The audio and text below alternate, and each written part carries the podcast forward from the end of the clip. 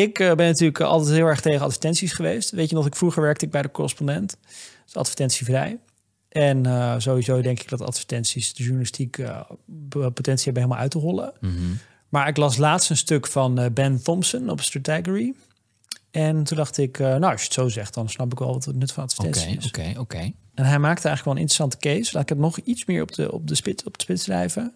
Hij zegt, Substack zou advertenties moeten nemen. Nou, mijn eerste reactie is dan, nee, doe dat nou niet. Verpest het nou niet. Mhm, Het is daar nu zo lekker clean. Er zitten wel wat advertenties tussendoor van mensen die gewoon bereik hebben en hun eigen ads verkopen. Maar verder is het gewoon een clean ervaring. Maar eh, Ben Thompson die wist me eigenlijk voor het eerst een beetje te overtuigen van, oh, het, kan, het, kan, het zou eigenlijk misschien wel een mogelijkheid zijn. Ook binnen een abonnementmodel. Dus wat zijn pleidooi is. Ik heb het hier even opgeschreven. Hij noemt eigenlijk Netflix als voorbeeld. Eh, Netflix heeft in het korte advertenties. En volgens hem komt dat omdat Netflix een gat in de funnel had. Dus je hebt een, eh, een acquisitiefunnel die bestaat uit awareness. Dus oh, dit bestaat. Interest, oh, ik vind het interessant. Desire, ik wil eigenlijk voor gaan betalen. En dan volgens de actie om het te gaan doen. En vroeger, je moet natuurlijk de, de moeilijkste, de, het moeilijkste om, om in die funnel is de desire eigenlijk los zien te krijgen bij mensen. En eh, waardoor ze uiteindelijk besluiten, oké, ik ga er echt voor betalen. Dus om een voorbeeldje te geven, ehm, waar deze funnel bijvoorbeeld kapot is, is in het voetbal. Eh, als ik een wedstrijd van Ajax wil kijken, dat wil ik. Ja, Vijf, die desire heb je al. Ik heb de desire, heb ik, Ja. maar kan voor, ik kan geen actie ondernemen. Mhm. Dus er zit een gat in de funnel. Eh, De manier om het op te lossen is bij Desire gewoon een eh, micropayment, bijvoorbeeld. Dus dat je zou kunnen zeggen, je kan per wedstrijd afrekenen. Dat kan ook, maar alleen als je dan Ziggo weer hebt of zo. Maar ik nu als normale kortcutter kan nu geen geld aan mijn voetbalclub geven. Ja. En hij noemt dus in dit artikel een voorbeeld van een eh, NBA-club, eh, dat is basketbal, die sinds kort de rechten heeft bemachtigd voor, voor minder aantrekkelijke wedstrijden. Dus niet de allerhoogste wedstrijden, maar wel wedstrijden die ze spelen. En die, kun je, die verkopen ze nu los. En daardoor hebben ze eigenlijk hun funnel gedicht. Het mooiste voorbeeld is eigenlijk YouTube. Ah, zo. YouTube heeft natuurlijk premium. Uh, En daartussen zit het gratis, zoals de, bijna iedereen uh, YouTube gebruikt, gewoon gratis kijken met heel veel advertenties. Ja. En uh, als je betaalt, dan gaan die advertenties weg. Ja. En Netflix gaat dat nu een light variant van inbrengen. Ze durven niet helemaal aan om het gratis te maken. Maar ehm, ze maken het wel aanmerkelijk goedkoper met als trade-off dat je advertenties moet kijken. Ja. Uh, ben Thompson zegt, Substack zou dit ook moeten gaan doen. Ja, goedkoper abonnementsmodel met advertenties. Erin. Ja, want het gaat of zelfs gewoon helemaal. Hij wil eigenlijk de, de YouTube variant gewoon helemaal gratis mm.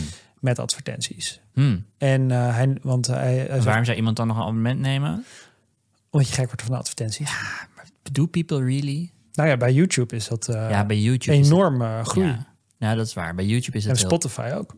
Maar bij YouTube lukte het mij om een of andere reden nooit om uh, echt uh, heel betrouwbaar uh, advertenties te blokkeren met allemaal adblockers. Ja. Hij zegt het in ieder geval om even mooi Ben Thompson te citeren. Als je die kans hebt, moet je het altijd doen. Mm.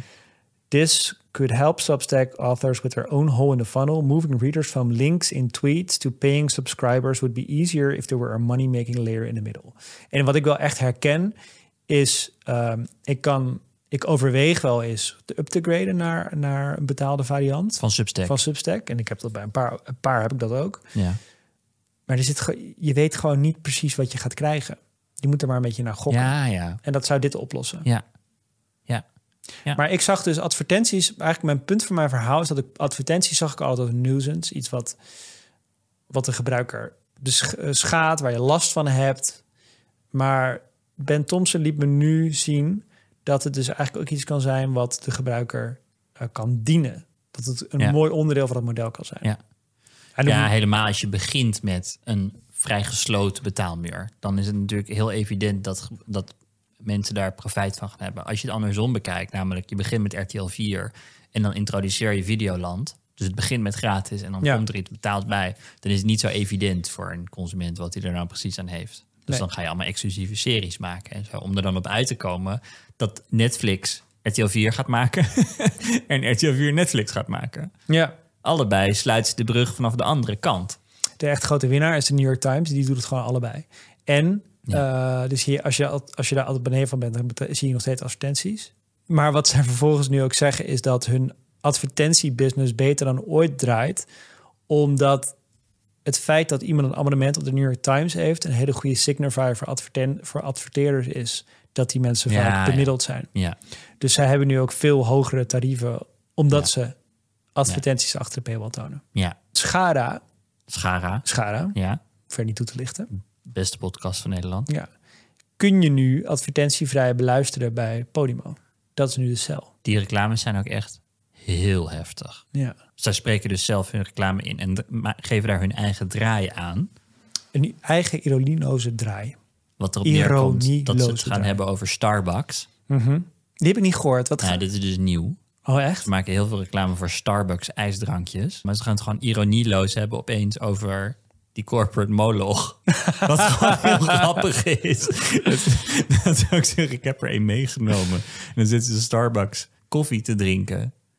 En eh, dat is gewoon heel grappig in de context van alles, al dat anticapitalistische... Nou, niet anticapitalisme, maar in ieder geval anti alles wat groot is. Met Een andere manier om de funnel te dichten is natuurlijk micropayments, maar dat is een gevoelig onderwerp. triggert mij heel erg. Listen to the full episode of Pom on Podimo from Denmark.